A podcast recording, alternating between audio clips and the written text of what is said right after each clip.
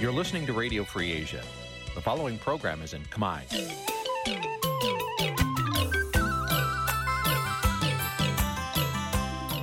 Nǐ ជាកម្មវិធីផ្សាយ Vuthu Azizi Serai នេះជាកម្មវិធីផ្សាយរបស់ Vuthu Azizi Serai ជាភាសាខ្មែរ Vuthu Azizi Serai សូមស្វាគមន៍លោកអ្នកនាងទាំងអស់ពីរដ្ឋធានី Washington នៃសហរដ្ឋអាមេរិក។ បាទសួស្តីឆ្នាំថ្មីលោកនាងកញ្ញាជាទីមេត្រីផ្សាយផ្ទាល់ពីរដ្ឋធានី Washington ខ្ញុំបាទជួនច័ន្ទបុតស៊ូមជម្រាបសួរលោកនាងកញ្ញាទាំងអស់បាទយើងខ្ញុំសូមជូនកម្មវិធីផ្សាយសម្រាប់រាត្រីថ្ងៃច័ន្ទ11កើតខែបុស្សឆ្នាំខាលចត្វាស័កពុទ្ធសករាជ2566ត្រូវនៅថ្ងៃទី2ខែមករាគ្រិស្តសករាជ2023បាទជាដំបូងនេះសូមអញ្ជើញលោកអ្នកនាងស្ដាប់ព័ត៌មានប្រចាំថ្ងៃដែលមានមេត្តាដូចតទៅ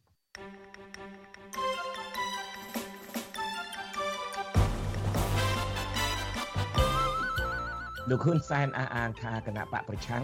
ពុំអាចដណ្ដើមអំណាចពីលោកបានឡើយសង្គមស៊ីវិលស្នើឲ្យអាជ្ញាធរស្រាវជ្រាវករណីឆេះអាគារកាស៊ីណូនៅក្រុងប៉ោយប៉ែតដើម្បីរកអ្នកទទួលខុសត្រូវមុខប្រឹក្សាខ្លំមើលកម្ពុជាស្នើដល់រដ្ឋាភិបាលឲ្យលុបបំបាត់ការទិញស្រូវផ្ដាច់មុខរបស់ឈ្មួញកណ្ដាល វត្តវិជ្ជាក្រុងប៉ោយប៉ែតបារម្ភពីសវត្ថិភាពក្រោយពីមានអំពើចោរកម្មកើនឡើងរួមនឹងព័ត៌មានផ្សេងផ្សេងមួយចំនួនទៀត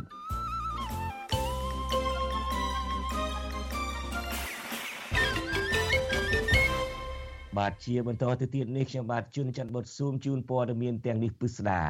បាទលោកនាងកញ្ញាជាទីមេត្រីលោកនាយករដ្ឋមន្ត្រីហ៊ុនសែនអះអាងថាសន្តិភាពនិងស្ថិរភាពនយោបាយក្រោមការដឹកនាំរបស់លោក គ្មានគណៈបកនយោបាយណាមួយយកឈ្នះលើលោកនិងគណៈបកប្រជាជនកម្ពុជា ដើម្បីឈានទៅដឹកនាំប្រទេសបានទេក៏ប៉ុន្តែគណៈបកប្រឆាំងថាការគ្រប់គ្រងអំណាចជិត40ឆ្នាំមកនោះគឺដោយសារលោកហ៊ុនសែនពូកែខាងដឹកនាំបែបផ្ដាច់ការរំលោភបំពានសិទ្ធិពលរដ្ឋជាពិសេសបំបិតសម្លេងបកប្រឆាំងបាទលោកអ្នកនាងនឹងបានស្ដាប់សេចក្តីរាយការណ៍អំពីរឿងនេះនាពេលបន្តិចទៀតនេះ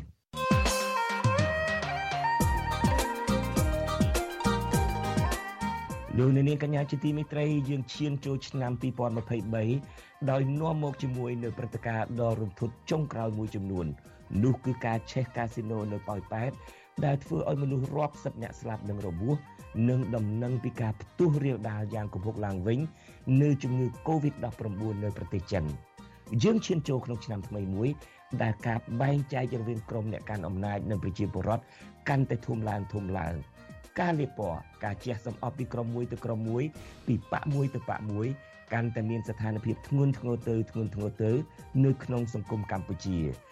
យើងឈានជើងចូលឆ្នាំ2023គ្រាដែលលោកហ៊ុនសែនហាក់កំពុងជ្រួលច្របល់ប្រញាប់ប្រញាប់នាវេលាចុងក្រោយលៃលករកវិធីក្នុងការផ្ទេរអំណាចទៅឲ្យកូនរបស់លោកឲ្យខាងតែបានតើកម្ពុជាក្នុងឆ្នាំ2023នេះអាចនឹងមានស្ថានភាពធូរស្រាលជាងឆ្នាំមុនឬទេ តើលោកហ៊ុនសែនអាចនឹងសម្រេចគោលបំណងក្នុងការរៀបចំផ្ទេរអំណាចឲ្យកូនរបស់គាត់បានដែរឬទេក្នុងឆ្នាំ2023នេះបាទនៅថ្ងៃអង្គារទី3ខែមករានេះខ្ញុំបាទនឹងមានកិច្ចពិភាក្សាមួយអំពីរឿងនេះជាមួយនឹងអ្នកវិទ្យាសាស្ត្រនយោបាយនិងអ្នកវិភាគពីររូបបាទសូមអញ្ជើញលោកអ្នកនាងរងចាំតាមដានស្ដាប់និងចូលរួមក្នុងនីតិវេទិកាអ្នកស្ដាប់វិទ្យុអាស៊ីសេរីនារីត្រីថ្ងៃអង្គារស្អែកនេះកុំបីខានឡើយ។ បាទលោកនាងកញ្ញាជាទីមេត្រីគណៈឆ្នាំចាស់ផ្លាស់ចូលឆ្នាំថ្មី2023អ្នកច្បាប់ទស្សន៍ទាយថាកម្ពុជាក្រោមការដឹកនាំរបស់លោកនាយករដ្ឋមន្ត្រីហ៊ុនសែននឹងមានទំនោរឆ្ពោះទៅរកការរំលោភសិទ្ធិមនុស្សនិងបំពានច្បាប់បន្ថែមទៀតការព្យាករណ៍នេះធ្វើឡើងស្របពេលដែលលោកហ៊ុនសែន កាន់តែបង្កើនយុទ្ធនាការកំទេចសម្លេងបកប្រឆាំងគ្មានត្រាប្រណីតាមរយៈការប្រើប្រាស់តុលាការ ដើម្បីផ្ដាច់ផ្លូវដង្ហើមគូប្រជែងនយោបាយរបស់លោក ទាំងផ្នែកនយោបាយនិងទាំងផ្នែកហិរញ្ញវត្ថុអ្នកច្បាប់ថាមេបកកាន់អំណាចរូបនេះកំពុងគ្រប់គ្រងកម្ពុជាដោយយកច្បាប់ជាឧបករណ៍មិនមែនយកច្បាប់ជាធំនោះឡើយ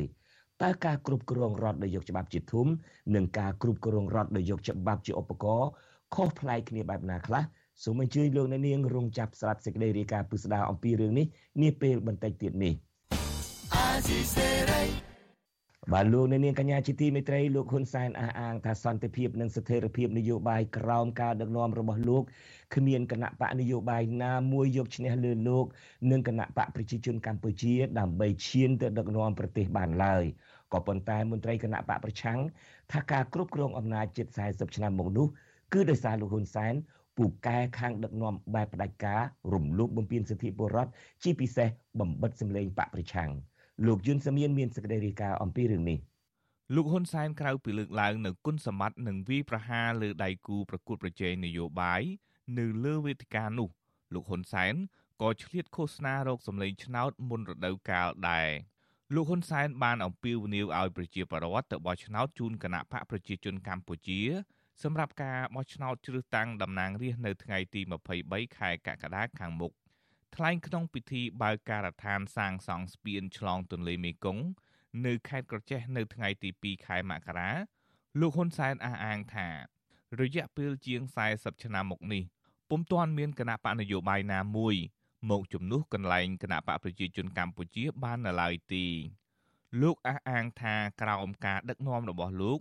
បាននាំឲ្យប្រទេសមានសុខសន្តិភាព ស្ថិរភាពនយោបាយ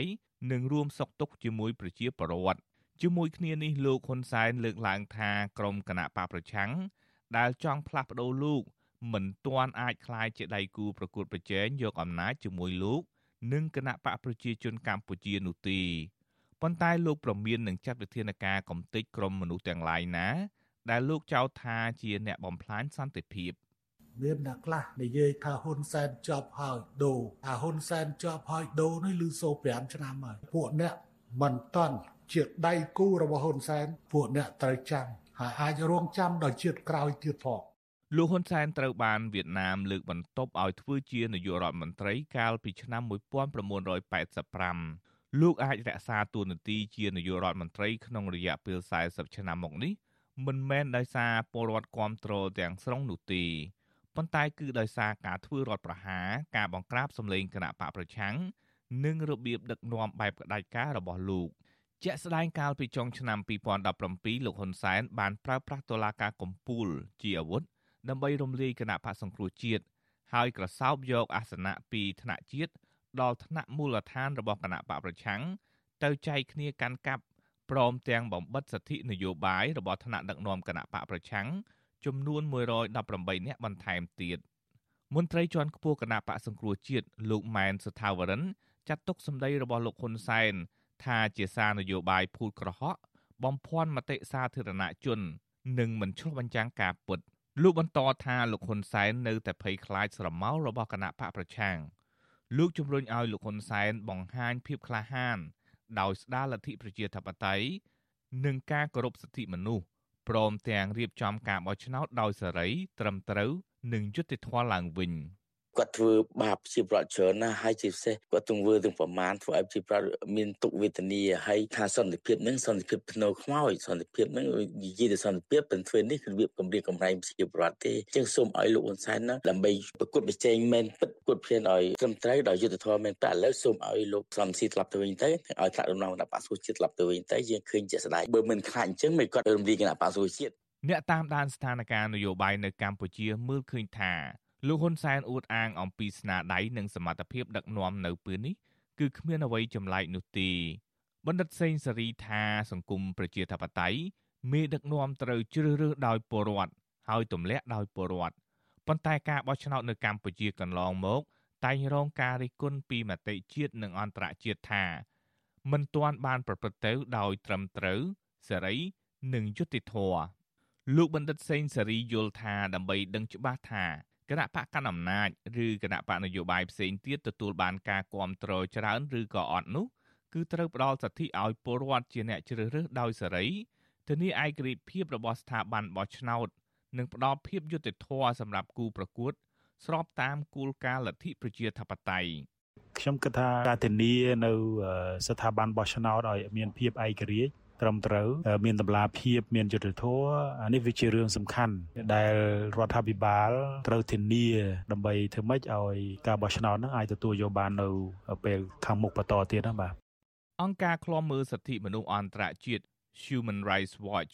រកឃើញថាក្នុងរយៈពេលជាង3ទសវត្សរ៍មកនេះលោកហ៊ុនសែនគឺជាមេដឹកនាំដែលកាន់អំណាចបានយូរតាមរយៈការប្រើប្រាស់អំពើហិង្សា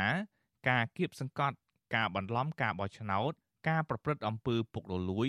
និងការគ្រប់គ្រងពីរដ្ឋាភិបាលវៀតណាមយុទ្ធសាស្ត្រដែលលោកហ៊ុនសែនចូលចិត្តប្រើនោះគឺការសម្លាប់មនុស្សនៅក្រៅប្រព័ន្ធការធ្វើទរណកម្មការចាប់ឃុំខ្លួនតាមអំពើចិត្តការបំបិទសិទ្ធិសេរីភាពជួបជុំនិងការប្រមូលផ្ដុំគ្នាជាដើមខ្ញុំយុនសាមៀនវັດឈូអាស៊ីសេរីប្រធានាធិបតី Washington បាទលោកនាងកញ្ញាជាទីមេត្រីលោកនាយករដ្ឋមន្ត្រីហ៊ុនសែនប្រកាសថាលោកគ្រងទៅបំពេញទស្សនកិច្ចនៅប្រទេសចិន នៅថ្ងៃខាងមុខហើយលោកក៏រំពឹងថានឹងទទួលបានប្រាក់កម្ចីបន្ថែមពីមិត្តដៃថែបរបស់លោក សម្រាប់យកបកសាងផ្លូវនិងស្ពាននៅកម្ពុជា អ្នកឃ្លាំមើលអះអាងថាគម្រោងបំពេញទស្សនកិច្ចនៅប្រទេសចិនរបស់មេដឹកនាំឯកបៈរូបនេះមិនត្រឹមតែទៅខ្ចីបុលពីចិននោះទេក៏ប៉ុន្តែលោកហ៊ុនសែន ក៏នឹងទៅពឹងពាក់ចិនឲ្យជួយគ្រប់គ្រងផែនការផ្ទេរអំណាចទៅកូនប្រុសរបស់លោកផងដែរបាទលោកនៅវណ្ណរិនមានសេចក្តីរាយការណ៍អំពីរឿងនេះជូនលោកនៅនាងពីរដ្ឋធានី Washington ថ្លែងក្នុងពិធីបើកការដ្ឋានសាងសង់ស្ពានកាត់ទន្លេមេគង្គខេត្តក្រចេះនិងផ្លូវតភ្ជាប់ក្រោមកម្ចីចិនលោកហ៊ុនសែនបានឲ្យដឹងថាលោកកំពុងស្វែងរកកម្ចីពីមិត្តដៃថៃបរបស់លោកបន្ថែមទៀតសម្រាប់យកមកអភិវឌ្ឍស្ពាន និងហេដ្ឋារចនាសម្ព័ន្ធនៅកម្ពុជា លោកហ៊ុនសែនក៏បានបង្ហើបផងដែរថាលោកកំពុងតែរៀបចំផែនការដើម្បីទៅបំពេញទស្សនកិច្ចនៅក្នុងប្រទេសចិនពេលខាងមុខ ហើយខ្ញុំសង្ឃឹមថានឹងមានឱកាសដែលកំពុងតែធ្វើការសម្របសម្រួលគ្នាដើម្បីទស្សនកិច្ចរបស់ខ្ញុំទៅកាន់សាធារណរដ្ឋប្រជាមានិតចិននៅពេលខាងមុខនេះហើយពេលនោះច្បាស់ណាស់ថានឹងមានគម្រោងថ្មីថ្មីបន្ថែមទៀតនៅក្នុងដំណើរទស្សនកិច្ចនោះរាប់ទាំងផ្លូវលបឿនលឿនទី2តបជាប់ភ្នំពេញទៅព្រំដែនវៀតណាមសម្រាប់ពេលនេះយើងបានចរចារួចរាល់ហើយហើយយើងនឹងបញ្ចេញនៅថវិការបស់យើងឆ្លងធ្វើស្ពានឆ្លងកាត់ទន្លេមេគង្គប្រមាណជា200លានដុល្លារសហរដ្ឋអាមេរិកក្រៅពីការថ្លែងសារឃោសនានយោបាយរបស់ប្រទេសចិនលោកហ៊ុនសែនក៏បានប្រកាសអំពីលក្ខខណ្ឌងាយស្រួលសម្រាប់ជនជាតិចិនចូលមកប្រទេសកម្ពុជា ដោយលោកថាភ្ញៀវទេសចរចិននេះឯងគឺបានជួយជំរុញសេដ្ឋកិច្ចកម្ពុជាឲ្យកាន់តែប្រសើរឡើងទោះជាយ៉ាងណាក្តីការដែលលោកហ៊ុនសែនគ្រងទៅបំពេញទស្សនកិច្ចនៅប្រទេសចិននេះស្របពេលដែលអ្នកតាមដានស្ថានភាពនយោបាយរិះគន់ថា លោកហ៊ុនសែនកំពុងបង្កើនទំនាក់ទំនងជាមួយប្រទេសចិនកុម្មុយនីសដើម្បីគ្រប់គ្រងលើផែនការផ្ទេរអំណាចទៅកូនប្រុសច្បងរបស់លោក អគ្គលេខាធិការសហព័ន្ធនិស្សិតបញ្ញវន្តកម្ពុជា លោកគៀនពន្លក មានប្រសាសន៍ថាគម្រោងទស្សនកិច្ចរបស់លោកហ៊ុនសែនទៅប្រទេសចិនក្នុងគ្រាដែលចិនមានផ្ទុះជំងឺ Covid សាជាថ្មីនេះគឺជាការឆ្លុះបញ្ចាំងឲ្យឃើញថាលោកហ៊ុនសែននៅតែបន្តបង្ហាញពីមិត្តភាពរវាងប្រទេសចិនក្នុងនាមជាមិត្តដៃថែបគ្រប់កលៈទេសៈ លោកយល់ថាជាធ្នូមកវិញលោកហ៊ុនសែនក៏ចង់ទាមទារឲ្យរដ្ឋាភិបាលចិនគ្រប់គ្រងលើគម្រោងការផ្ទេរអំណាចរបស់លោកទៅកូនប្រុសច្បង គឺលោកហ៊ុនម៉ាណែត ទេសចិនកំពុងផ្ទុះជំងឺ Covid-19 ធ្ងន់ធ្ងរដែរមិនទាន់មានវិធានការជាក់លាក់ក្នុងការទប់ស្កាត់ជំងឺ Covid-19 ទេចឹងហើយសម្ដេចនាយករដ្ឋមន្ត្រីហ៊ុនសែនមុនការបោះឆ្នោតឆ្នាំ2023នេះលោកនឹងទៅធ្វើទស្សនកិច្ចនៅប្រទេសចិនម្ដងទៀតជាមួយនឹងកូនប្រុសច្បងរបស់លោកនេះគឺជាអ្វីដែលលោកនឹងរៀបចំការផ្ទេរអំណាចទៅឲ្យអេដាមហ៊ុនម៉ាណែតដែលទាមទារឲ្យមានការគ្រប់គ្រងពីបណ្ដាប្រទេសជាមិត្តជាពិសេសគឺប្រទេសចិននឹងឯង លោកគៀនពន្លកបន្តថាក្នុងរបបនយោបាយកម្ពុជានៅពេលបច្ចុប្បន្ននេះរដ្ឋាភិបាលលោកហ៊ុនសែនពុំគួរបង្ហាញភាពលំអៀងទៅកាន់ប្រទេសណាមួយនោះទេខណៈដែលកម្ពុជា កំពុងជាប់គាំងនយោបាយព្រមទាំងមានការបោះឆ្នោតជ្រើសតាំងតំណាងរាស្ត្រសម្រាប់ឆ្នាំ2023នេះផងលោកថាអ្វីដែលរដ្ឋាភិបាលគួរធ្វើនោះ គឺត្រូវស្ដារប្រជាធិបតេយ្យនិងការគោរពសិទ្ធិមនុស្សព្រមទាំងធានាឯករាជ្យភាពនៃស្ថាប័នរៀបចំការបោះឆ្នោតកោជបដើម្បីបញ្ជាការរិះគន់និងទទួលរងទណ្ឌកម្មបន្ថែមទៀតពីសហគមន៍អន្តរជាតិឆ្លើយតបទៅនឹងការលើកឡើងនេះអ្នកនាំពាក្យគណៈបកប្រជាជនកម្ពុជា លោកសុកអេសានថ្លែងថាការលើកឡើងរបស់អ្នកខ្លាំមើលគឺគ្មានមូលដ្ឋានច្បាស់លាស់នោះទេ លោកថាគម្រោងទស្សនកិច្ចរបស់លោកហ៊ុនសែនទៅប្រទេសចិនគឺក្នុងក្របខ័ណ្ឌមិត្តភាពសាមគ្គីភាពរវាងមេដឹកនាំនៃប្រទេសទាំងពីរតែប៉ុណ្ណោះលោកបន្តថាគម្រោងទស្សនកិច្ចនេះរដ្ឋាភិបាលមិនទាន់បានកំណត់ថ្ងៃខែជាក់លាក់នៅឡើយនោះទេ ទៅស្រុកចិនទៅពឹងគេរឿងខ្មែរតើរឿងទេរឿងអីនៅបេក្ខជននាយករដ្ឋមន្ត្រីអាហ្នឹងជារឿងខ្មែរគណៈបកនយោបាយរបស់កម្ពុជា អ្នកណាប្រកួតប្រជែងក្នុងការបោះឆ្នោតអាហ្នឹងសិតតែមានសិទ្ធិក្នុងការជ្រើសរើសបេក្ខជននាយករដ្ឋមន្ត្រីរបស់ខ្លួនហើយហើយអ្នកអស់លោកអ្នកវិភាគហ្នឹងលោកអត់យល់ពីបញ្ហាតែអស់នោះទេយកតែពីរឿងលំអៀងខាងនយោបាយមកមូលបង្កាច់សភាពការពិតនៅកម្ពុជា អ្នកវិភាគនយោបាយគឺលោកកឹមសុខមើលឃើញថាគម្រោងទស្សនកិច្ចរបស់លោកហ៊ុនសែនទៅប្រទេសចិនគឺពុំមានអ្វីក្រៅពីពង្រឹងនៅទំនាក់ទំនងល្អជាមួយប្រទេសចិន ដើម្បីបង្កើនទំនុកចិត្តលើវិស័យពាណិជ្ជកម្មផ្នែកហិរញ្ញវត្ថុកម្ចីឥណទានកម្ចីសម្បទាន នៅមុនពេលផ្ទេរអំណាចទៅកាន់កូនប្រុសច្បងរបស់លោកនោះទេ លោកហ៊ុនសែនប្រកាសពីគម្រោងទស្សនកិច្ចនៅប្រទេសចិនក្នុងឆ្នាំ2023នេះគឺស្របពេលដែលប្រទេសចិនកំពុងផ្ទុះជំងឺ Covid-19 សារជាថ្មីលោកហ៊ុនសែនក៏ទំនងជាអាចបង្ហាញពីភក្តីភាពរបស់ខ្លួន ក្នុងការទៅជួបមេដឹកនាំចិនសារជាថ្មី គ្រាដែលប្រទេសកុម្មុយនីសមួយនេះកំពុងជួបគ្រោះអាសន្ន កាលពីដើមឆ្នាំ2020កន្លងទៅ ក្នុងគ្រាប្រទេសចិនកំពុងរាតត្បាតដោយជំងឺ Covid លោកហ៊ុនសែនក៏បានដឹកដៃកូនប្រុសច្បងរបស់ខ្លួន គឺលោកហ៊ុនម៉ាណែតទៅជួបមេដឹកនាំចិនផងដែរ ដោយពេលនោះលោកហ៊ុនសែនថាដំណើរទស្សនកិច្ចនេះគឺជាការបង្ហាញពីសាមគ្គីភាព និងភក្តីភាពជាមួយមិត្តភ័ក្តិដៃថែបរបស់លោកនិងលើកទឹកចិត្តដល់និស្សិតខ្មែរនៅប្រទេសចិនឲ្យរួមសុខទុក្ខជាមួយប្រទេសចិន ក្នុងគ្រាមានផ្ទុះជំងឺរាតត្បាតសកលខ្ញុំបាទនៅវណ្ណរិន with Chu Azizi Saray ពីរដ្ឋធានី Washington លោកនាងកញ្ញាជាទីមេត្រី គណៈឆ្នាំចាស់ផ្លាស់ចូលឆ្នាំថ្មី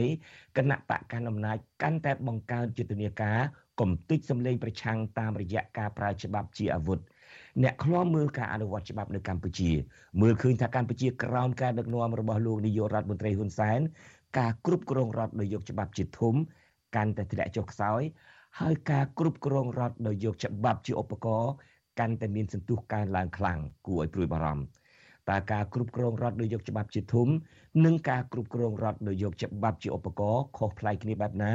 បាទលោកជីវិតាមានសេចក្តីរាយការណ៍ពុស្ដាជូនលោកនៅនាងអំពីរឿងនេះ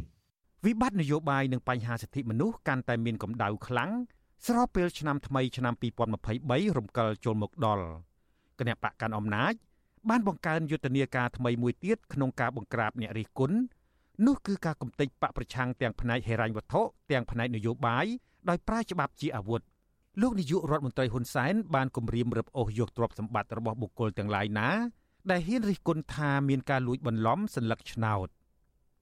ហើយអាណានិយាយចោលគឺថាប្តឹងអាហ្នឹងអត់មានទុកទេពីថ្ងៃនេះទៅឥឡូវឮថាប្តឹងឡើងទៅសារទុកខាងគណៈបព្វជិជនអត់ត្រូវការប្រឹងសារទុកទេព្រោះទាបានតាមបំណងហើយ ឥឡូវតចេញមកកាត់ឲ្យយើងបាន4000លានឥឡូវ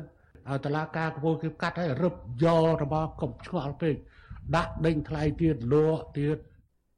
រឹបអូសទ្រព្យសម្បត្តិសមតាមបំណងយកមកដាក់លក់ដេញថ្លៃដែលលោកនាយករដ្ឋមន្ត្រីហ៊ុនសែនលើកឡើងនេះគឺលោកសម្ដៅដល់ផ្ទះសម្បែងរបស់លោកសុនឆៃអនុប្រធានគណៈបកភ្លើងទៀនដែលតុលាការបង្គាប់ឲ្យរឹបអូសយកទៅសងជំងឺចិត្តគណៈបកប្រជាជនកម្ពុជា និងគណៈកម្មាធិការជាតិរៀបចំការបោះឆ្នោតហៅកាត់ថាកោជបក្នុងបណ្ដឹងបរិហាគេប្រឆាំងលោកសុនឆៃ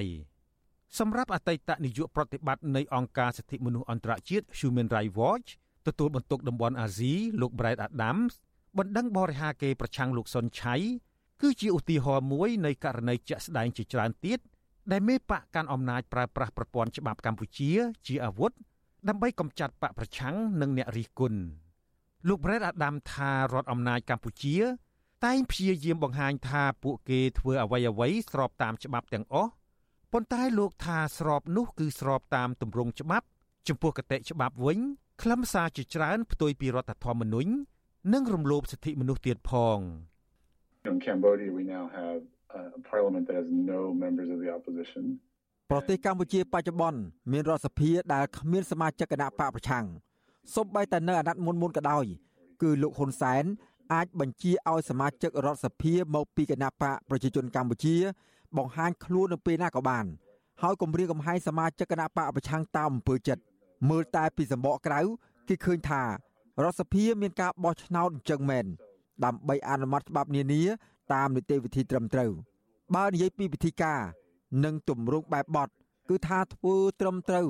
ប៉ុន្តែចំពោះខ្លឹមសារនិងពាក្យពេចន៍ ដែលសរសេរនៅក្នុងច្បាប់នោះវិញវាមិនស្របទៅតាមរដ្ឋធម្មនុញ្ញទេនោះហើយគឺលបាយល្បិចនៃការគ្រប់គ្រងរដ្ឋដោយយកច្បាប់ជាឧបករណ៍ពលអ្នកលេងតែងតែប្រឹងសម្ដែងឲ្យគេមើលឃើញថាពួកគេកំពុងធ្វើអ្វីអ្វីគ្រប់បែបយ៉ាង ដោយយកច្បាប់ជាធំ តែមែនទែនទៅមិនមែនទេ by pretending to follow the rule of law but not actually doing it ច្បាប់សភាមួយចំនួនដែលផ្ទុយពីស្មារតីរដ្ឋធម្មនុញ្ញឬច្បាប់សិទ្ធិមនុស្សអន្តរជាតិត្រូវបានអង្គការសហប្រជាជាតិទទួលបន្ទុកសិទ្ធិមនុស្សនៅកម្ពុជាកត់ត្រានិងស្នើសុំកែលម្អច្បាប់ទាំងនោះរួមមានក្រមព្រហ្មទណ្ឌច្បាប់ស្តីពីអង្គការក្រៅរដ្ឋាភិបាល ច្បាប់ស្តីពីសហជីពច្បាប់ស្តីពីវិធានការទប់ស្កាត់ការឆ្លងរាលដាលនៃជំងឺ Covid-19 ច្បាប់ស្តីពីវិសោធនកម្មច្បាប់គណៈបកនយោបាយនិងច្បាប់បោះឆ្នោតជាដើម ច្បាប់ទាំងនេះរដ្ឋបិទសិទ្ធិពលរដ្ឋនិងសិទ្ធិនយោបាយឧទាហរណ៍តុលាការបានប្រើប្រាស់ច្បាប់ស្តីពីវិធានការទប់ស្កាត់ការឆ្លងរាលដាលនៃជំងឺ Covid-19 កាត់ទោសមនុស្សដាក់គុកមួយចំនួន បន្ទាប់ពីពួកគេបញ្ចេញមតិតាក់ទងនឹងជំងឺ Covid ជាក់ស្ដែង កាលពីខែសីហាឆ្នាំ2021តុលាការក្រុងភ្នំពេញបានកាត់ទោសអ្នកចិញ្ចឹមមាន់ម្នាក់ឈ្មោះនីណា ឲ្យជាប់ពន្ធនាគារចំនួន18ខែពីបទញុះញង់ឲ្យមានភាពវឹកវរដល់សង្គមក្រោយពីលោកបង្ហោះសារថាលោកនឹងទិញម៉ាស់ពាក់ឲ្យមាន់របស់លោកហើយនឹងស្នើសុំច្បាប់ធ្វើទ្រង់ឲ្យមាន់ក្នុងស្ថានភាពអាសន្ននៃជំងឺ Covid-19 សម្រាប់ច្បាប់បោះឆ្នោតជ្រើសតាំងតំណាងរាស្ត្រវិញ ច្បាប់នេះបានរឹតបន្តឹងសេរីភាពបំពេញការងាររបស់អង្គការក្រៅរដ្ឋាភិបាលដោយផាកពិន័យធ្ងន់ធ្ងររហូតឈានដល់បិទអង្គការក្រៅរដ្ឋាភិបាលណា ដែលហ៊ានរិះគន់និងនិយាយមិនល្អពីគណៈបកនយោបាយច្បាប់នេះក៏គៀបសង្កត់ចាប់បង្ខំគណៈបកនយោបាយឲ្យទទួលយកលទ្ធផលបោះឆ្នោតក្រោយការបោះឆ្នោតម្ដងម្ដងផងដែរប្រសិនបើគណៈបកនយោបាយណាមួយហ៊ានតវ៉ាប្រឆាំងលទ្ធផលបោះឆ្នោតអាសនៈសភារបស់បកនោះនឹងត្រូវដកហូតទៅចែកឲ្យគណៈបកដទៃច្បាប់នេះក៏អនុញ្ញាតឲ្យកងប្រដាប់អាវុធចូលរួមឃោសនាឲ្យគណៈបកនយោបាយទៀតផង មន្ត្រីសង្កេតការបោះឆ្នោតនៃអង្គការ Confrel លោកកនសវាងរិះគន់ថាការអនុញ្ញាតឲ្យកងប្រដាប់អាវុធចូលរួមឃោសនាឲ្យគណៈបកនយោបាយណាមួយបាននោះវាធ្វើឲ្យប៉ះពាល់ដល់ការបោះឆ្នោតអភិបាលខេត្តកងកម្លាំងប្រដាប់អាវុធមន្ត្រីរាជការមន្ត្រីតឡាការនឹងលោកអាចមានសិទ្ធិដាក់ច្បាប់ពិសេស ចូលរួមឃោសនាចូលរួមដង្ហែបកអីជាដើមចឹងសួរថាតើតម្លៃនៅទូនាទីផគាត់ទោះបីក៏សុំច្បាប់ក៏ដោយប៉ុន្តែសម្រាប់យើងយើងឃើញថាវានៅតែមានការជះឥទ្ធិពលទៅដល់ប្រជាពលរដ្ឋដែលជាម្ចាស់ឆ្នោតនឹងឧទាហរណ៍មួយទៀតនៃការប្រើប្រាស់ច្បាប់ជាឧបករណ៍ គឺការអនុវត្តច្បាប់ស្ដីពីវិសោធនកម្មច្បាប់ស្ដីពីច្បាប់គណៈបកនយោបាយកន្លងទៅក្នុងការរំលាយគណៈបកសង្គ្រោះជាតិនិងហាមឃាត់មន្ត្រីគណៈបកនេះចំនួន118រូបមិនឲ្យធ្វើនយោបាយរយៈពេល5ឆ្នាំហើយបាត់ផ្លូវតវ៉ាលោកមេធាវីជួងជួងងីរិះគន់ថាការធ្វើច្បាប់ហាមមិនឲ្យមានការប្តឹងឧទ្ធរណ៍នេះវាបំពានលើគោលការណ៍ទទួលបានយុត្តិធម៌ក្នុងការជំនុំជម្រះដែលធានាដោយរដ្ឋធម្មនុញ្ញ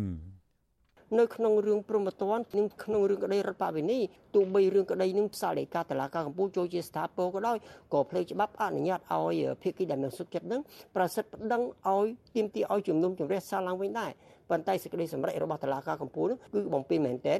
បិទផ្លូវតវ៉ាតែម្ដងនេះគឺជាសេចក្តីសម្រេចដែលផ្ដល់ភាពឈឺចាប់បំផុតសម្រាប់ថ្នាក់ដឹកនាំគណៈបកសង្គ្រោះជាតិគិតត្រឹមឆ្នាំ2019មកដល់ចុងឆ្នាំ2022 តុលាការបានប្រើប្រាស់ក្រមព្រហ្មទណ្ឌជាឧបករណ៍ចាប់បកប្រឆាំងអ្នកសារព័ត៌មានសកម្មជនការពារសិទ្ធិមនុស្សនិងបរិស្ថានព្រមទាំងពលរដ្ឋដែលបញ្ចេញមតិដាក់ពន្ធនាគារមិនតិចជាង100នាក់នោះទេភាគច្រើននៃបទចោទគឺការញុះញង់រួមគំនិតក្បត់ និងប្រមាថមន្ត្រីរាជការបកកាន់អំណាចត្រូវបានគេមើលឃើញថាកំពុងប្រើប្រាស់ក្រមព្រហ្មទណ្ឌនិងតុលាការជាអាវុធដើម្បីបំបាក់ស្មារតី នឹងធ្វើឲ្យបកប្រឆាំងពីការទាំងផ្លូវនយោបាយទាំងមធ្យោបាយហិរញ្ញវត្ថុជាក់ស្ដែង គឺករណីអនុប្រធានបកភ្លើងទៀនលោកសុនឆៃដែលរងការប្តឹងពីគណៈបកប្រជាជនកម្ពុជានិងកោជបពីបទបរិហាកេ តាមមាត្រា305នៃក្រមព្រហ្មទណ្ឌក្រោយពីលោកសុនឆៃរិះគន់ថាការបោះឆ្នោតក្រុមប្រឹក្សាឃុំសង្កាត់អាណត្តិទី5កន្លងទៅ មានការលួចបន្លំសិលឹកឆ្នោត អ្វីដែលកន្ត្រាក់អារម្មណ៍សហគមន៍ជាតិនិងអន្តរជាតិខ្លាំងក្នុងសំណុំរឿងនេះគឺការដែលតុលាការបង្គាប់ឲ្យលោកសុនឆៃសងសំណងជំងឺចិត្តទៅស្ថាប័នទាំងពីរនេះជាទឹកប្រាក់ចំនួនជាង1លានដុល្លារអាមេរិកតុលាការបានបង្គាប់ឲ្យរឹបអូសអចលនទ្រព្យរបស់លោកសុនឆៃពីកន្លែងគឺនៅក្រុងភ្នំពេញនិងខេត្តសៀមរាបលោកសុនឆៃនៅតែប្រកាន់ជំហរថាអ្វីដែលលោកនិយាយគឺជាការបញ្ចេញមតិដោយអ្នកសង្កេតការដតីទៀតដែរ ហើយដូចជាមានកម្រងរួចទៅស្រេចទៅហើយកាត់សេចក្តីចប់សពគ្រប់គេនឹងរឹបអូសទ្រព្យសម្បត្តិដែលខ្ញុំមានបន្តិចបន្តួចដូចជាផ្ទះដែលខ្ញុំរស់នៅនេះហើយនឹងកូនផ្ទះមួយនៅក្នុងខេត្តសៀមរាបនោះប៉ុន្តែសម្រាប់បកកាន់អំណាចដែលតែងតែឈ្នះក្តីក្នុងសំណុំរឿងនយោបាយវិញសេចក្តីសម្រេចរបស់តុលាការគឺជាការអនុវត្តច្បាប់ដ៏ត្រឹមត្រូវអ្នកនាំពាក្យគណៈបកប្រជាជនកម្ពុជាលោកសុកអេសានយល់ថាចំនួនទឹកប្រាក់ជាង1លានដុល្លារ ដែលតុលាការបង្គាប់ឲ្យលោកសុនឆៃបង់សងជំងឺចិត្តទៅគណៈបករបស់លោកនិងគោជបនោះហាក់នៅតិចនៅឡើយទេមិនអាចយកមកលៀនមកលុបលៀនកិត្តិយសសេចក្តីថ្លៃថ្នូរតែបាត់បង់កន្លងទៅបានទេអ្នកសុនឆៃខ្លាំងលឹះណាទៅណាទាំងអស់អាហ្នឹងជានយោបាយអត្តកិច្ចខ្លួនឯងកុំបន្ទោសគេអ្នកដតីកុំបន្ទោសដើមមិនដឹងលោកសុកអេសានដែលមានប្រសាសន៍ថាប្រាក់សំណងជំងឺចិត្តជាង1លានដុល្លារ ដែលតុលាការបង្គាប់ឲ្យលោកសុនឆៃបងហាក់នៅស្ទើរផងនោះប្រហែលជាលោកមិនដឹងទេថាក្រមព្រហ្មទណ្ឌកម្ពុជាឆ្នាំ2010មាត្រា305ដែលតុលាការប្រកាសយោងក្នុងសាលក្រមនោះមិនមានចែងអំពីប្រាក់សំណងជំងឺចិត្តបែបនេះទេមាត្រា305ចែងតែពីការផាកពិន័យដែលមានចំនួនទឹកប្រាក់ពី1សែនរៀលទៅ10លានរៀលឬស្មើប្រមាណ25ដុល្លារទៅ2500ដុល្លារ សម្រាប់បទល្មើសបរិហាកេជាសាធារណៈប៉ុន្តែមិនឃើញមានបញ្ញត្តិបង្គាប់ឲ្យសងជំងឺចិត្តនោះទេទោះជាយ៉ាងណា អ្នកច្បាប់ថាបើទោះជាចៅក្រមអាចមានឆន្ទានុសិទ្ធិក្នុងការបង្គាប់ឲ្យភាគីចាញ់ក្តី ក្នុងបទបរិហាកេសងសំណងជំងឺចិត្តក៏ចំនួនទឹកប្រាក់សំណងជំងឺចិត្តនោះត្រូវតែសមរម្យនិងសមាមាត្រពលគឺចៅក្រមមិនអាចចេះតែយល់ព្រមតាមការទៀមទាតាមទំនឹងចិត្តរបស់ដើមបណ្ដឹង ដែលអះអាងថាខ្លួនបានរងគ្រោះដោយសម្ដីនិយាយនោះឡើយតុលាការត្រូវតែពិនិត្យពិច័យឲ្យបានម៉ត់ចត់ថាតើបុគ្គលឬស្ថាប័នដែលអះអាងថាខ្លួនខូចខាតដោយសារពាក្យសម្ដីឬការផ្សព្វផ្សាយណាមួយនោះពិតជាខូចខាត ឬប៉ះពាល់កិត្តិយសមែនឬទេ បើប៉ះពាល់ឬខូចខាតគេឈ្មោះនោះប៉ះពាល់ដោយរបៀបណាទើបចៅក្រមត្រូវកណនាចំនួនទឹកប្រាក់ឲ្យសមាមាត្រឬសំរុំតាមការខូចខាត អ្នកសង្កេតការដែលតាមដានសំណុំរឿងបរិហាកេប្រឆាំងលោកសុនឆៃមានការពិបាកទទួលយកចំពោះទឹកប្រាក់សំណងជំងឺចិត្តដ៏ច្រើនសន្ធឹកមិនសមមាត្រនោះលើសពីនេះសម្ដីរបស់លោកសុនឆៃដែលនាំទៅដល់ការប្តឹងផ្តល់ពីគណៈបកប្រជាជនកម្ពុជានិងគោជបនោះអនុប្រធានគណៈបកភ្លើងទៀនរូបនេះថែមទាំងមិនបាននិយាយដល់ឈ្មោះស្ថាប័នទាំងពីរនេះទៀតផងតាមបទសម្ភាសរបស់លោកសុនឆៃ ដែលភាគីដើមចោតយកមកដាក់បន្ទុកនោះគេមិនបានលើលោកសុនឆៃនិយាយដល់ឈ្មោះគណៈបកប្រជាជនកម្ពុជានិងគណៈកម្មាធិការជាតិរៀបចំការបោះឆ្នោតថាជាអ្នកលួចបន្លំស្លឹកឆ្នោតនោះទេហើយអ្វីដែលពលរដ្ឋលោកខំតស៊ូឆន្ទៈរបស់លោកទៅគេលួចបន្លំឬក៏បំបត្តិនោះវានៅសល់ប៉ុណ្ណឹងហើយបើយើងមិនយកតើវាបានអីដើម្បីទុកនៅតាមមូលដ្ឋាននោះដើម្បីឲ្យពលរដ្ឋអាចទៅពឹងពាក់បានដូចខ្ញុំប្រៀបធៀបនឹងចៅលួចគោអញ្ចឹង ចៅលួចគោអស់3នេះសល់2យើងឲ្យចៅលួច2ទៀតមានអ្នកណាធ្វើបែបហ្នឹងតើមិនទទួលស្គាល់ការបោះឆ្នោតនេះទេវាមានសេរីមានយុត្តិធម៌ហើយវាមានចំបញ្ចាំងឆន្ទៈពលរដ្ឋអ្នកច្បាប់សិទ្ធិមនុស្សលោក Brad Adams លើកឡើងថាប្រទេសភាគច្រើនលើលោកនេះគេមិនអោយស្ថាប័នមានសិទ្ធិប្តឹងពីបទបរិហាគេនោះទេ ពីព្រោះស្ថាប័នមិនមានអ្វីត្រូវឈឺចាប់នោះឡើយ institution is not a person so it doesn't have a reputation that can be harmed in law ក្នុងផ្លូវច្បាប់ស្ថាប័នមិនមែនជាមនុស្សទេដូច្នេះវាមិនមានកិត្តិយសគេឈ្មោះអីដែលត្រូវខូចខាតនោះទេបណ្ដឹងរបស់គណៈកម្មាធិការជ្រៀបចំការបោះឆ្នោតនេះគឺគ្រាន់តែបង្ហាញឲ្យគេឯងដឹងថា ស្ថាប័នមួយនេះគឺជាដៃជើងរបស់គណៈបកប្រជាជនកម្ពុជា ស្ថាប័នរៀបចំការបោះឆ្នោតមួយនេះមិនឆ្លាតគ្រប់គ្រាន់ ក្នុងការជៀសវាងមិនឲ្យគេមើលឃើញថា ខ្លួនជាផ្នែកមួយនៃគណៈបកប្រជាជនកម្ពុជា ពួកគេពិតជាល្ងងនៅពេលដែលគណៈបកប្រជាជនកម្ពុជា ប្រាប់ឲ្យធ្វើអ្វីមួយ ពួកគេក៏ធ្វើតាម សំណុំរឿងនេះគឺជារឿងនយោបាយទាំងស្រុងលោកសុនឆៃថ្លែងការដោយផ្អែកលើភ័ស្តុតាង នៅភាពមិនប្រក្រតីមួយចំនួន ដែលគេមើលឃើញ មាននៅលើបណ្ដាញសារព័ត៌មានជាសាធារណៈរួចទៅហើយមួយវិញទៀត លំហសេរីភាពនៃការបញ្ចេញមតិវាទលំទលាយណាស់នៅពេលអ្នកធ្វើកិច្ចការតាក់ទងទៅនឹងរឿងនយោបាយដូច្នេះអ្នកនយោបាយនិងស្ថាប័នពាក់ព័ន្ធនយោបាយដឹងហើយថាខ្លួននឹងប្រឈមជាមួយនឹងការរិះគន់នោះហើយគឺជាតម្លៃដែលពួកគេត្រូវលះបង់ក្នុងការបំពេញការងារតាក់ទងទៅនឹងការបោះឆ្នោតលោកប្រេតអាដាមបន្តថា ការដែលតុលាការបង្គាប់ឲ្យលោកសុនឆៃសងជំងឺចិត្តជាង1លានដុល្លារទៅគណៈបកកាន់អំណាចនិងកោជបទាំងគ្មានច្បាប់អនុញ្ញាតបែបនោះផង គឺជារឿងហួសហេតុលោកថានេះគឺជាឧទាហរណ៍នៃការកាត់សេចក្តីដ៏អយុត្តិធម៌ទាំងននលគោកមួយទៀតរបស់តុលាការកម្ពុជា ដែលលំអៀងទៅគណៈបកប្រជាជនកម្ពុជា It's a misuse of the law and if you look at real democracies នេះគឺជាការអនុវត្តច្បាប់ខុស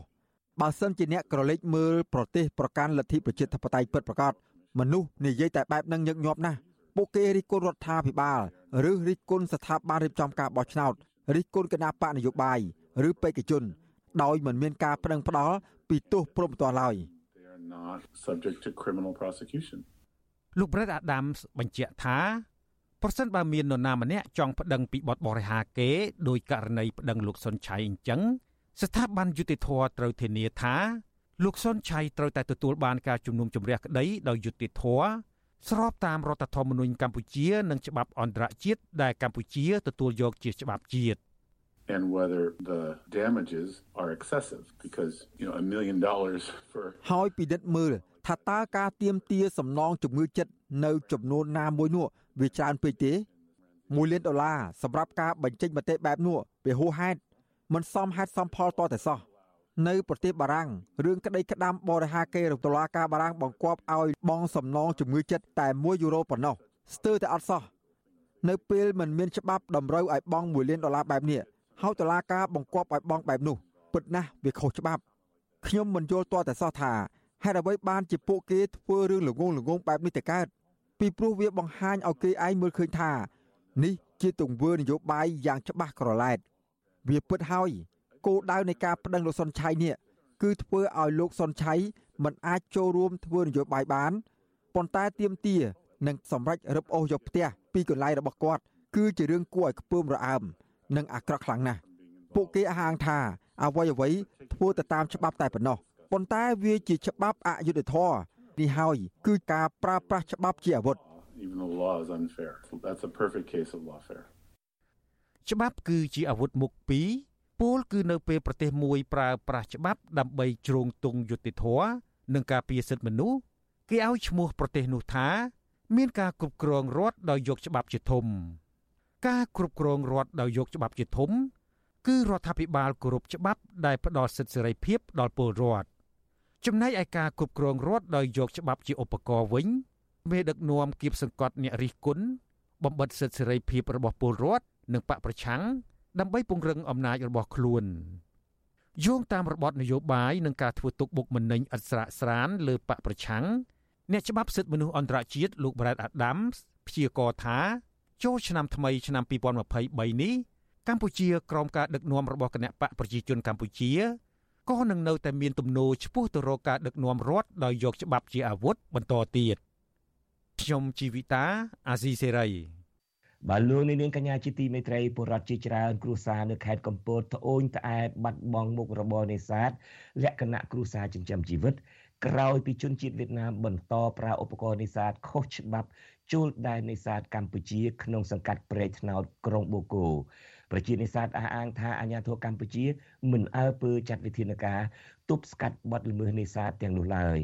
សូមអញ្ជើញលោកនាងស្ដាប់សេចក្តីរាយការណ៍អំពីរឿងនេះរបស់លោកទីនហ្សាការីយ៉ា ប្រជានេសាទរប៉ុនគ្រូសាររស់នៅសង្កាត់ប្រៃថ្នោតក្រុងបូកូបន្តអំពាវនាវឲ្យអាជ្ញាធរខ្មែរអន្តរាគមទប់ស្កាត់ជនជាតិវៀតណាមដែលតែងតែលួចនេសាទក្នុងដែនសមុទ្រខ្មែរជាញឹកញាប់បំពេញដែនអធិបតេយ្យរបស់កម្ពុជាប្រជានេសាទខ្លះបាក់ទឹកចិត្តនិងបោះបង់មុខរបរនេះក្រោយពីឧបករណ៍នេសាទរបស់ពួកគាត់មានតម្លៃចន្លោះពី1លានរៀលទៅ3លានរៀលតែងតែខូចខ្ទេចនៅពេលដែលទុកនេសាទរបស់ជនជាតិវៀតណាមលបចូលក្នុងដែនសមុទ្រខ្មែរម្ដងម្ដង អ្នកនេសាទរស់នៅភូមិរពាំងពៅ សង្កាត់ប្រៃថ្នោត លោកសានសវណ្ណឲ្យដឹងនៅថ្ងៃទី2មករាថាបទល្មើសនេសាទខុសច្បាប់មានដូចជាឆក់ត្រី និងអស់អួនជាមូលហេតុចម្បងដែលធ្វើឲ្យប្រជានេសាទខ្មែរពិបាកនឹងនេសាទលក្ខណៈគ្រួសារចិញ្ចឹមជីវិតនៅតំបន់នោះរីឯអាញាធិបតេយ្យខ្មែរវិញមិនបានអន្តរាគមន៍ទប់ស្កាត់បទល្មើសនេសាទខុសច្បាប់របស់ជនជាតិវៀតណាមជាច្រើនខែមកហើយធ្វើឲ្យអ្នកភូមិខ្លះបង្ខំចិត្តបោះបង់មុខរបរនេះចោល លោកបញ្ជាក់ថាទូកនេសាទខ្មែរមិនអាចចូលទៅនេសាទនៅក្នុងដែនសមុទ្រវៀតណាមដោយដែលជនជាតិវៀតណាមចូលមកនេសាទនៅក្នុងដែនសមុទ្រកម្ពុជាតាមតែអំពើចិត្តបានទេផ្លូវវាឧបនាវាអត់មានយាងមុខវេទនាតំណឹងឲ្យដល់ត្រលរបស់យើងនៅចំមុខវាអញ្ចឹងវាតោឧបតោបានវិញក៏បានក៏អត់ក៏អត់ទៅតែយើងវាបាត់បង់ច្រើនប្រជានេសាទប្រៃថ្នោតអះអាងថាអ្នកនេសាទភ ieck ច្រើនជាជនជាតិវៀតណាម ប្រើឧបករណ៍នេសាទខុសច្បាប់ដូចជាមងក្រឡាធំ និងប្រើឧបករណ៍ឆក់ត្រីជាដើមហើយពួកគេត្រូវបង់លុយឲ្យអាជ្ញាធរខ្មែរដើរប្រចាំការនៅតំបន់នោះអ្នកនេសាទម្នាក់ទៀតរស់នៅសង្កាត់ប្រៃថ្នោតលោកសឹមវណ្ណាបារម្ភថាកន្លងទៅប្រជានេសាទខ្មែរជាច្រើនគ្រួសារតែងតែរងគ្រោះដោយសារតែប៉ះទង្គិចជាមួយទុកនេសាទរបស់ជនជាតិវៀតណាមធំធំឆ្លងចូលនេសាទនៅក្នុងដែនសមុទ្រខ្មែរនាំឲ្យខូចមងអួននិងលបជាដើម លោកបញ្ជាក់ថាជនជាតិវៀតណាមប្រើឧបករណ៍នេសាទខុសច្បាប់និងទូកធំធំជាមធ្យោបាយមានលទ្ធភាពចាប់ត្រីនិងជីវៈចម្រុះសមុទ្ររាប់សប្តាហ៍បង្កផលប៉ះពាល់ដល់នេសាទលក្ខណៈគ្រួសាររបស់ប្រជារដ្ឋខ្មែរបាទក្នុងវិដាសមុទ្រចឹងចង់លិចទុកម្ដងម្ដងហើយណាបងតែយើងរកស៊ីស្រុកច្បាប់រយយូរដែរណា7 8ឆ្នាំហើយទៅមើលវិទ្យុអសិរ័យមិនអាចតកតងសំការបំភ្លឺពីរឿងនេះពីចៅសង្កាត់ប្រៃថ្នោតលោកគង់បនរាបានឡើយទេនៅថ្ងៃទី2មករា ចំណែកអភិបាលខេត្តកំពតលោកម៉ៅណូថិនក៏វិទ្យុអសិរ័យមិនអាចតកតងបានដែរប្រធានសហគមន៍នេសាទប្រៃថ្នោតលោកអុកសវណ្ណរិទ្ធមានប្រសាសន៍ថាសមាជិកសហគមន៍មានគ្នាតិចមិនអាចទប់ស្កាត់បទល្មើសនេសាទគ្រប់ជ្រុងជ្រោយបានទេលោកបន្តថាមុខរបរនេសាទសមុទ្រធ្វើឲ្យជីវភាពបរដ្ឋធូរធារក៏ប៉ុន្តែរបរនេះកំពុងប្រឈមនឹងការគំរាមកំហែងរួមមាន ការនេសាទខុសច្បាប់ ការលុបឆ្នេរសមុទ្រនិងការបំផ្លាញព្រៃកោងកាងជាដើម សហគមន៍នេសាទព្រៃថ្នោតមានផ្ទៃដីសរុប1100ហិកតា ក្នុងនោះមានព្រៃកោងកាងជាង20ហិកតា ស្មៅសមុទ្រ700ហិកតា ផ្កាថ្ម140ហិកតា សហគមន៍នេះ មានបរិវត្តចូលរួមជាសមាជិកជាង200នាក់ក្នុងបំណងអភិរក្សជីវៈចម្រុះសមុទ្រដោយថារក្សាព្រៃកោងកាងចម្រោតត្រីពងកូននិងទប់ស្កាត់បទល្មើសនេសាទជាដើមជុំវិញនឹងរឿងនេះមន្ត្រីសម្រាប់សម្រួលសមាគមអាត60ខេត្តកំពតលោកយុនផលី ស្នើឲ្យអាជ្ញាធររកមធ្យោបាយទប់ស្កាត់បទល្មើសនេសាទឲ្យមានប្រសិទ្ធភាពយូរអង្វែងនិងលុបបំបាត់អំពើពុករលួយលោកថាការបាត់បង់មុខរបរនេសាទនឹងបណ្ដាលឲ្យជីវភាពគ្រួសាររបស់ប្រជាពលរដ្ឋខ្មែរកាន់តែក្រីក្រ ហើយពួកគាត់ត្រូវបង្ខំធ្វើចំណាកស្រុកកាន់តែកើនឡើងខ្ញុំទីនសាការីយ៉ាអស៊ីសេរីប្រធានីវ៉ាស៊ីនតោន បាទពលរដ្ឋមួយចំនួននាំកូនកូនធ្វើចំណាក់ស្រុកមកស៊ីឈ្នួលដកដំឡូងនៅតាមព្រំដែនដើម្បីរកប្រាក់ដោះស្រាយជីវភាពគ្រួសារខណៈកូនកូនមិនបានចូលរៀនមន្ត្រីសង្គមស៊ីវិលយល់ថារដ្ឋាភិបាលនិងស្ថាប័នពាក់ព័ន្ធគួររកមូលហេតុដែលពលរដ្ឋចំណាក់ស្រុកនិងរកដំណោះស្រាយឲ្យច្បាស់លាស់ដើម្បីទប់ស្កាត់ការធ្វើចំណាក់ស្រុក និងកាត់បន្ថយការបោះបង់បោះបង់ការសិក្សាចោលពីសំណាក់កូនកូនរបស់ពួកគាត់បាទលោកសេកបណ្ឌិតមានសេចក្តីរាយការណ៍អំពីរឿងនេះកម្មករស៊ីឈ្នួលដកដំឡូងមួយចំនួននៅខេត្តបៃលិនបានលើកឡើងថាដោយសារគ្រួសារក្រីក្រ ហើយគ្មានការងារធ្វើ និងគ្មានប្រាក់សងបំណុលធនាគារទើបនាំកូនកូនមករកស៊ីឈ្នួលដកដំឡូងនៅតាមព្រំដែន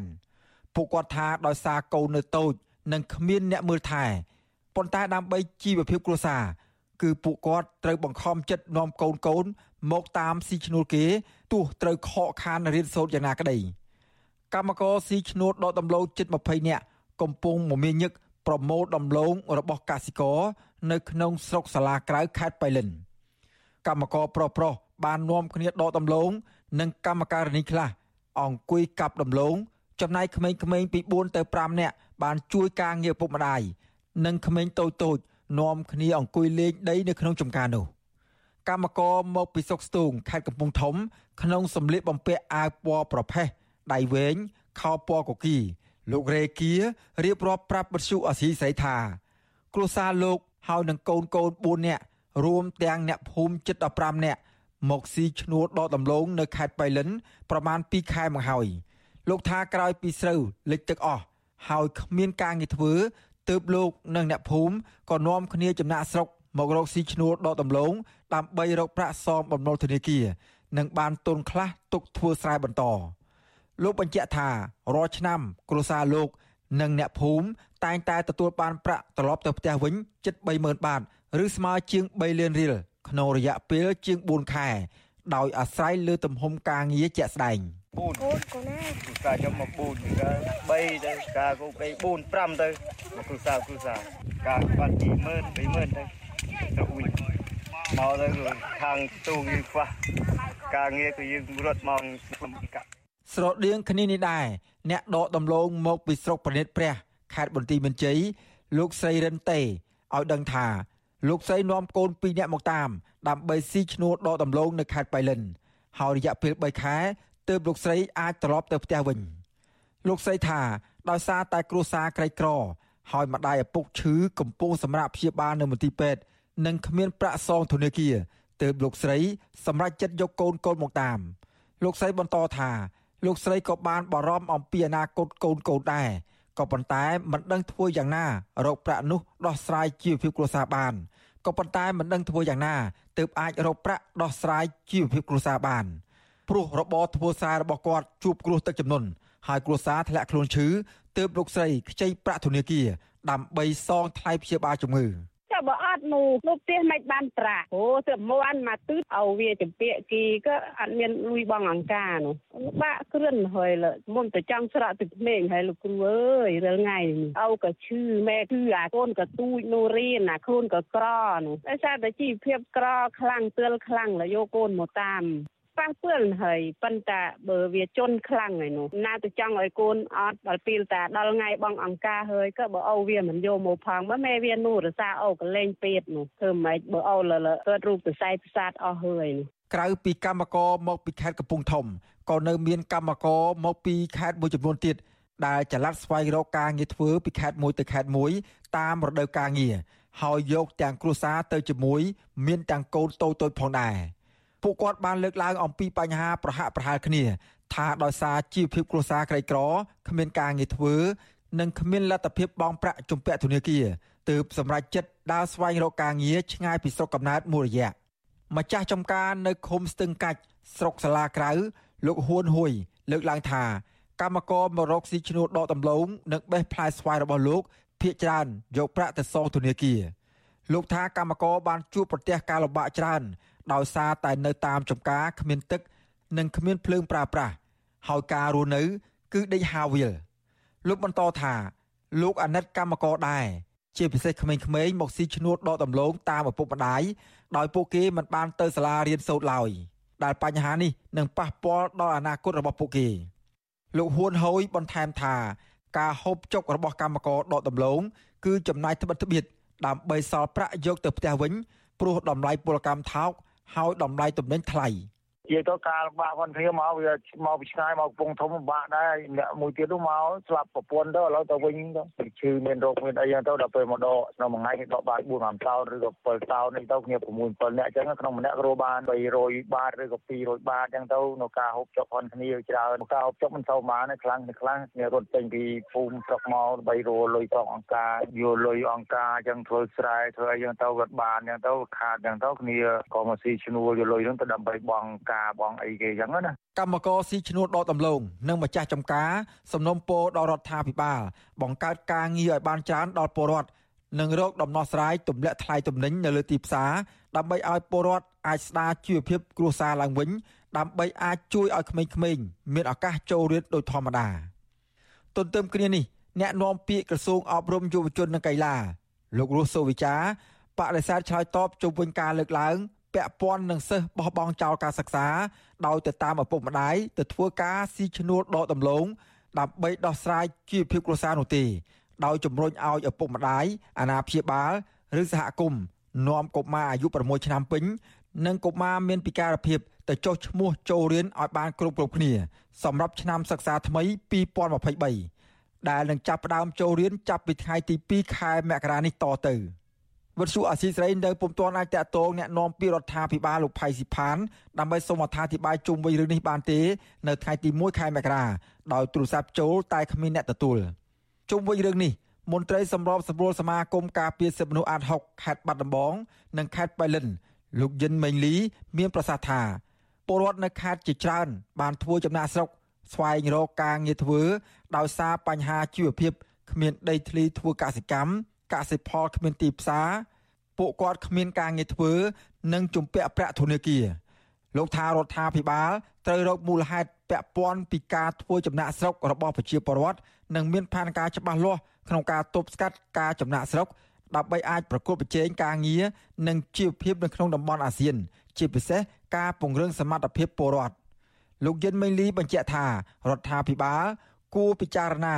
លើពលរដ្ឋគ្មានដីធ្លីគ្មានការងារ ហើយអភិវឌ្ឍលើវិស័យកសិកម្មថែមទៀតដើម្បីដោះស្រាយបញ្ហាប្រឈមចំពោះពលរដ្ឋដែលគ្មានប្រាក់សងធនាគារ។ យើងព្រួយបារម្ភទៅដល់ធនធានរបស់ប្រទេសយើងទៀតព្រោះកុមារមួយចំនួនហ្នឹងគាត់ទៅធ្វើចំណាក់ស្រុកដែរគាត់មកតាមឪពុកម្ដាយព្រោះគាត់មករកស៊ីទៅកូនវាអត់មានអ្នកណាមើលអញ្ចឹងគាត់យកកូនហ្នឹងមកជាមួយទៅហើយកូនហ្នឹងវាអត់បានសិក្សាទេខ្លះហួសអាយុចូលរៀនដែរអញ្ចឹងគាត់ជាងការធ្វើឲ្យពួកគាត់ហ្នឹងអត់បានរៀនអត់បានសូត្រធ្វើឲ្យពួកគាត់ហ្នឹងអត់ទាំងចេះអានអក្សរចេះគិតលេខផងណាអាហ្នឹងឯងដែលខ្ញុំថា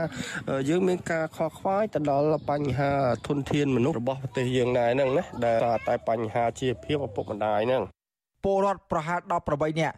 ដែលប្រកបមុខរបរស៊ីឈ្នួលដកដំឡូងហើយបាននាំកូនមកជាមួយផង នៅតំបន់ដែលកំពុងប្រមូលផលដំឡូងសង្គមស៊ីវិលបារម្ភអំពីធនធានមនុស្សនៅកម្ពុជាទៅថ្ងៃក្រោយដោយបញ្ហានេះបណ្ដាលមកពីភាពក្រីក្រ និងខ្វះការគ្រប់គ្រងពីរដ្ឋាភិបាល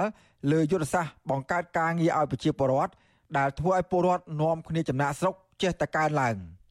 ខ្ញុំបាទសេកបណ្ឌិតវុទ្ធុអាស៊ីសេរីពីរដ្ឋធានីវ៉ាស៊ីនតោនបាទលោកអ្នកនាងកញ្ញាជាទីមេត្រីយើងឈានចូលឆ្នាំ2023ដោយនាំមកជាមួយនៅព្រឹត្តិការណ៍ដ៏រន្ធត់មួយចំនួនដូចជាការឆេះកាស៊ីណូនៅប៉ោយប៉ែតដែលធ្វើឲ្យមនុស្សរាប់សិបនាក់ស្លាប់និងរបួសនិងដំណឹងស្ដីពីការផ្ទុះឡើងវិញនៃការរាតត្បាតនៃជំងឺ Covid-19 នៅឯប្រទេសចិន។ យើងឈានចូលឆ្នាំថ្មីមួយ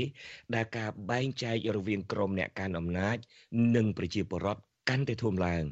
ការលៀបពណ៌ការជះសំអប់ពីក្រុមមួយទៅក្រុមមួយពីបកមួយទៅបកមួយកាន់តែមានស្ថានភាពធ្ងន់ធ្ងរទៅធ្ងន់ធ្ងរទៅនៅក្នុងសង្គមកម្ពុជា យើងឈានចូលឆ្នាំ2023 គ្រាដែលលោកហ៊ុនសែនហាក់កំពុងជ្រួលច្របល់ប្រញាប់ប្រញាប់រិះរកវិធីចុងក្រោយ ក្នុងការផ្ទេរអំណាចទៅគោលរបស់លោកឲ្យខាងតែបានតើកម្ពុជាក្នុងឆ្នាំ2023នេះ អាចនឹងមានស្ថានភាពស្រួលធូរស្រាលជាងឆ្នាំ2022ដែរឬក៏យ៉ាងណាតើលោកនាយករដ្ឋមន្ត្រីហ៊ុនសែនអាចសម្រេចគោលបំណងក្នុងការផ្ទេរតំណែង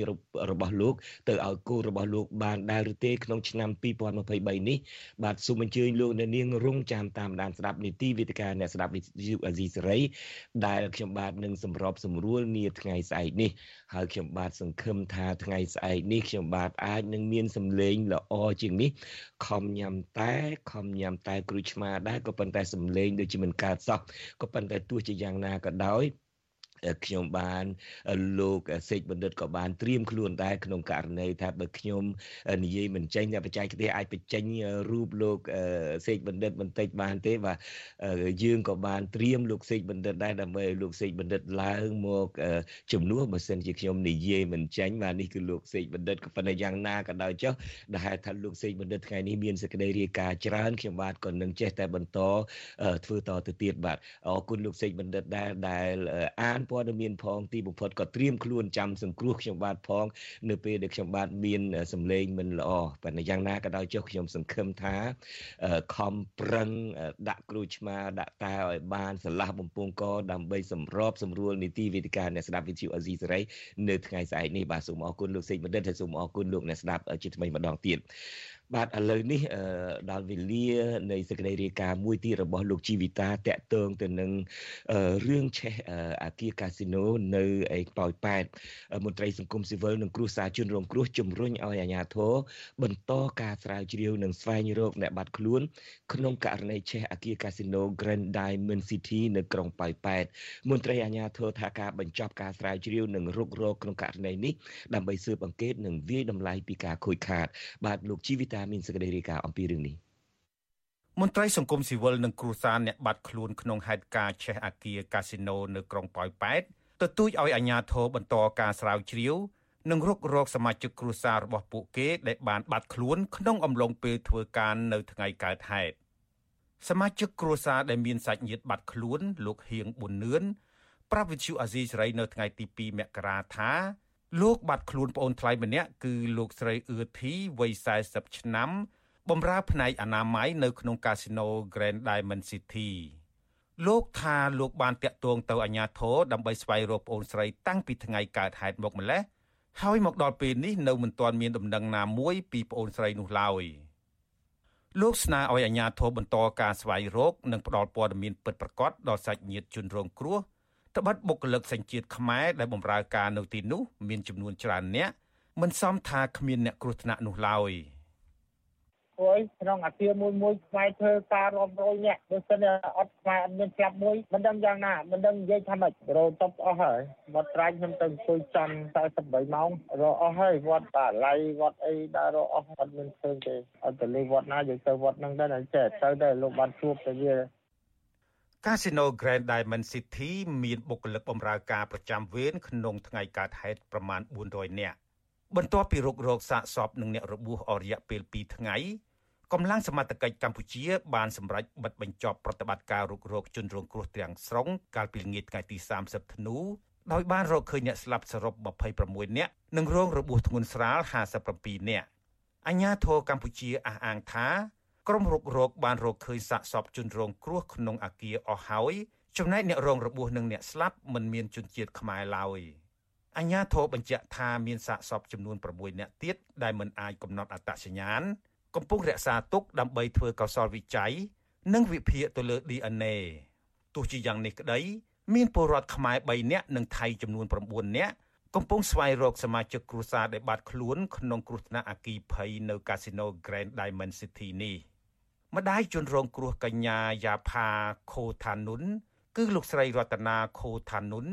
រស់នៅខេត្តស្រះកែវប្រទេសថៃប្រាប់អាស៊ីសេរីនៅថ្ងៃទី2មករាថាការបិទបញ្ចប់បេសកកម្មរុករករបស់អាជ្ញាធរកម្ពុជាទាំងតក់ក្រហល់បែបនេះលោកស្រីមើលឃើញថាខាងភៀកគីកម្ពុជា ហាក់គ្មានការទទួលខុសត្រូវនិងស្វែងរកជនរងគ្រោះឲ្យអស់ពីលទ្ធភាពឡើយលោកស្រីស្នើឲ្យអាជ្ញាធរកម្ពុជាសហការជាមួយអាជ្ញាធរថៃ ដើម្បីស្វែងរកជនរងគ្រោះដែលបាត់ខ្លួនថែមទៀតតាក់ទងនឹងបញ្ហានេះអ្នកនាំពាក្យសាលាខេត្តបន្ទាយមានជ័យលោកសេយសុខុមច្រានចោលព័ត៌មានដែលផ្សព្វផ្សាយថាមានអ្នកស្លាប់និងរបួសច្រើនអ្នកនៅក្នុងហេតុការណ៍នោះលោកអះអាងថាក្រុមរុករកបានរកឃើញសាកសពជនរងគ្រោះអស់ហើយលោកបន្តថា បច្ចុប្បន្នអាជ្ញាធរបានបិទការចរាចរណ៍ក្នុងបរិវេណអគារ Casino Grand Diamond City និងបន្តស្រាវជ្រាវដើម្បីវិតម្លៃពីការខូចខាតអាគារទាំងអស់ហ្នឹងគឺបើកន្លែងណាដែលមនុស្សចូលអត់ចោះក្រុមសង្គ្រោះចូលមិនបានគឺយើងប្រើរហូតដល់សំណក់ចូលទៅហិនហ្នឹងអញ្ចឹងបានន័យថាយើងរកអស់ហើយយើងបិទបញ្ចប់ការរុករោគគឺឃើញតែ26ហ្នឹងទេហើយក្នុងនោះ16នាក់ដែលយើងកំណត់តសញ្ញាមិនបានគាត់ឆេះអស់ច្រើនណាអញ្ចឹងទៅគេខ្ចប់ខ្ចប់ជាធាតអញ្ចឹងណាក្នុងគ្រោះអគីភ័យដ៏អាក្រក់នេះអាជ្ញាធរបានប្រើប្រាស់កម្លាំងសង្គ្រោះសរុបចំនួន1000នាក់ ក្រុមមូលនិធិសង្គ្រោះនិងសមត្ថកិច្ចថៃជាង200នាក់តាក់ទងនឹងរឿងជួយសង្គ្រោះនេះដែរភ្នាក់ងារជួយសង្គ្រោះមូលនិធិពតឹងតឹងនៃប្រទេសថៃ លោកចានីនសាអាតបដិសេធលើការលើកឡើងរបស់អាជ្ញាធរកម្ពុជា លោកបញ្ជាក់ថាក្រុមជួយសង្គ្រោះបានរុករកតែអាគារសន្តាគារប៉ុណ្ណោះចំណែកអាគារបនលបែងវិញ នៅមិនទាន់រុករកនៅឡើយទេ ដោយសារអាគារមានសភាពត្រេត និងប្រេះខ្លាំង លោកជឿជាក់ថាអាចនឹងមានសាកសពជនរងគ្រោះជាប់ក្នុងអាគារជាច្រើនទៀតដែលមិនទាន់រកឃើញបច្ចុប្បន្នអាគារ Casino Grand Diamond City ដែលត្រូវអគីភ័យឆេះឆាបនេះនៅមិនទាន់រុះរើនៅឡើយទេ ចំណែកខាងមុខផ្លូវចូលកាស៊ីណូមានប៉ូលីសយាមល្បាតយ៉ាងតឹងតែងនិងមិនអនុញ្ញាតឲ្យធ្វើចរាចរណ៍ឆ្លងកាត់ឡើយចំណែកបុគ្គលិកនិងសន្តិសុខដែលនៅក្នុងហេតុការណ៍ឆេះអាគារកាស៊ីណូ Grand Diamond City នេះ មិនហ៊ានផ្ដល់ព័ត៌មានអំពីហេតុការណ៍នេះឡើយដោយសារពួកគេខ្លាចបាត់បង់ការងារទោះជាយ៉ាងណាក៏ដោយចុះក្រុមគ្រួសារជនរងគ្រោះនិងសង្គមស៊ីវិលស្នើដល់អាជ្ញាធរកម្ពុជាឲ្យបន្តរុករកជនរងគ្រោះដែលរកមិនទាន់ឃើញឲ្យអស់សិនមុននឹងបិទផ្លូវនិងវាយតម្លៃពីការខូចខាតដោយគិតគូរដល់អារម្មណ៍សមាជិកគ្រួសារជនរងគ្រោះប្រធានអង្គការសិទ្ធិមនុស្សអាត6លោកនីសុខា ស្នើដល់អាជ្ញាធរកម្ពុជាឲ្យរុករកជនរងគ្រោះបន្តទៀតយើងនៅតែស្នើឲ្យអាជ្ញាធរនឹងធ្វើយ៉ាងណាធ្វើការស៊ើបអង្កេតឲ្យបានម៉ត់ចត់ឲ្យបានដិតដល់ឲ្យមានរបាយការណ៍ច្បាស់លាស់ឲ្យប្រជាពលរដ្ឋពិសេសគឺអ្នកដែលក្រុមគ្រួសារអ្នកដែលរងគ្រោះបញ្ហាទាំងអស់ហ្នឹងគឺគេអាចទទួលយកបានណាគេអាចស្ងប់ចិត្តបាទបើមិនអញ្ចឹងទេវានៅតែមានមតិសង្ស័យច្រើនចំពោះបញ្ហាហ្នឹងវាអាចនាំឲ្យធ្វើការប៉ះពាល់ទៅដល់តម្លៃរបស់អាជ្ញាធរដែរ ជនរងគ្រោះនិងមហាជនចាត់ទុកហេតុការណ៍អគីភ័យនេះថាជាសោកនាដកម្មដ៏ធំមួយ ដែលបណ្ដាលមកពីការធ្វេសប្រហែសរបស់ក្រុមហ៊ុន និងអសមត្ថភាពក្នុងការជួយសង្គ្រោះរបស់អាជ្ញាធរពួកគេស្នើដល់រដ្ឋាភិបាលឲ្យរកអ្នកទទួលខុសត្រូវផ្លូវច្បាប់លើហេតុការណ៍នេះខ្ញុំជីវិតាអាស៊ីសេរី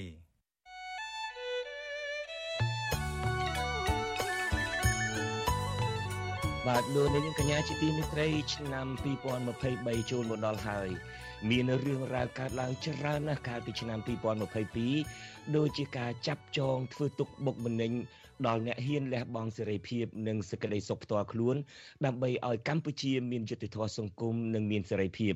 បាទខ្ញុំបាទសូមលំអរកាយគោរពនៅវីរភាពរបស់ពួកគេមិនតែប៉ុណ្ណោះទេយើងបញ្ចប់ឆ្នាំ2022នេះជាមួយនឹងព្រឹត្តិការណ៍ដ៏គួរឲ្យរន្ធត់នោះគឺការឆេះកាស៊ីណូនៅប៉ោយប៉ែតដែលផ្ដាច់ជីវិតមនុស្សរាប់សិបនាក់និងដំណឹងពីការផ្ទុះឡើងវិញនៅការរាលដាលនៃជំងឺឆ្លង Covid-19 នៅប្រទេសចិនជាដើមមកដល់ឆ្នាំ2023នេះការបែកបាក់សង្គម ការបែងចែកពួកក្រុមនិងការចេះសំអប់រវាងខ្មែរនិងខ្មែរកាន់តែមានស្ថានភាពធ្ងន់ធ្ងរទៅធ្ងន់ធ្ងរទៅ នៅប្រទេសកម្ពុជាដ៏កំសត់របស់យើងសូម្បីតែអ្នកផ្ដល់ព័ត៌មានដូចជារូបខ្ញុំបាទក្តីក៏តែងរងនៅការចោទប្រកាន់ការបង្កាច់បង្ខូចការជេរប្រមាថជាប្រចាំក្រៅពីនោះក៏មានការកាត់តរូបថតខ្លួនខ្ញុំនិងសមាជិកគ្រួសារយកទៅជេរប្រមាថអ្នកងាយនិងប្រើភាសាអសុរោះគ្រប់ប្រភេទក៏ប៉ុន្តែទោះជាយ៉ាងណាក៏ដោយក៏ខ្ញុំនៅតែប្រកាន់ជំហរមើងម៉ាត់មិនងាករេពីគោលការណ៍និងក្រមសីលធម៌របស់វិទ្យុអាស៊ីសេរីនោះគឺការបន្តផ្តល់ព័ត៌មានពិតនិងមានប្រយោជន៍ដល់លោកអ្នកនាងកញ្ញា ដើម្បីចូលរួមចំណែកជំរុញកម្ពុជាឲ្យក្លាយជាប្រទេសមានការគោរពច្បាប់គោរពសិទ្ធិមនុស្សមានយុត្តិធម៌សង្គមនិងមានការរីកចម្រើនត្រឹមត្រូវសម្រាប់ប្រជាពលរដ្ឋគ្រប់រូបនៅក្នុងឆ្នាំ2023នេះរូបខ្ញុំនិងក្រុមការងារនឹងនៅតែបន្តពង្រីកការស្វែងរកនិងផ្តល់ព័ត៌មានពិតតាមគ្រប់រូបភាពដែលយើងអាចធ្វើទៅកើតទោះបីជាមានការរារាំងការគំរាមកំហែងការមើលងាយជេរប្រមាថការលៀបពណ៌គ្រប់សពបែបយ៉ាងយ៉ាងណាក៏ដោយធ្វើយ៉ាងណាដើម្បីលោកអ្នកនាងបាននៅព័ត៌មានគ្រប់ជ្រុងជ្រោយយើងនឹងបន្តជជែកដេញដោលសួរសំណួរចំចំសំខាន់សំខាន់ទៅកាន់អ្នកកាន់អំណាច អ្នកនយោបាយដើម្បីឲ្យពួកគាត់ទទួលខុសត្រូវលើសកម្មភាពរបស់ពួកគេចំពោះប្រជាជាតិនិងប្រជាពលរដ្ឋខ្មែរបាទជាថ្មីម្ដងទៀតខ្ញុំបាទនឹងក្រុមការងារនៃវិទ្យុអាស៊ីសេរីសូមអរគុណលោកអ្នកនាងកញ្ញាទាំងក្នុងនិងក្រៅប្រទេសនិងប្រជាពលរដ្ឋខ្មែរដែលរស់នៅគ្រប់ប្រទេសទាំងអស់នៅលើពិភពលោកដែលតែងតែចូលមកស្ដាប់និងទស្សនាការផ្សាយរបស់វិទ្យុអាស៊ីសេរីជារៀងរាល់ថ្ងៃបាទខ្ញុំបាទសូមអរគុណចំពោះការជឿទុកចិត្តនិងការគ្រប់គ្រងរបស់លោកអ្នកនាងចំពោះកម្មវិធីផ្សាយរបស់យើងខ្ញុំក្នុងឆ្នាំ2023នេះយើងនឹងកែលម្អកម្មវិធីផ្សាយរបស់យើងបន្ថែមទៀតហើយខ្ញុំបាទមានទំនុកទុកចិត្តថាទំនាក់ទំនងរវាងវិទ្យុអាស៊ីស្រីនិងលោកអ្នកនាងកញ្ញានឹងកាន់តែរីកដុះដាលរឹងមាំនិងមានភាពជិតស្និទ្ធបន្ថែមទៀតក្នុងឆ្នាំថ្មីនេះបាទខ្ញុំបាទសូមអរគុណលោកអ្នកនាងកញ្ញាតែត្រឹមនេះសូមលោកអ្នកនាងកញ្ញាទទួលបាននូវសុខសន្តិភាពយុត្តិធម៌សុខភាពល្អសុភមង្គលនិងភាពចម្រើនរុងរឿងក្នុងឆ្នាំថ្មីនេះនិងឆ្នាំខាងមុខខាងមុខទៀតបាទរាត្រីសួស្តី thank you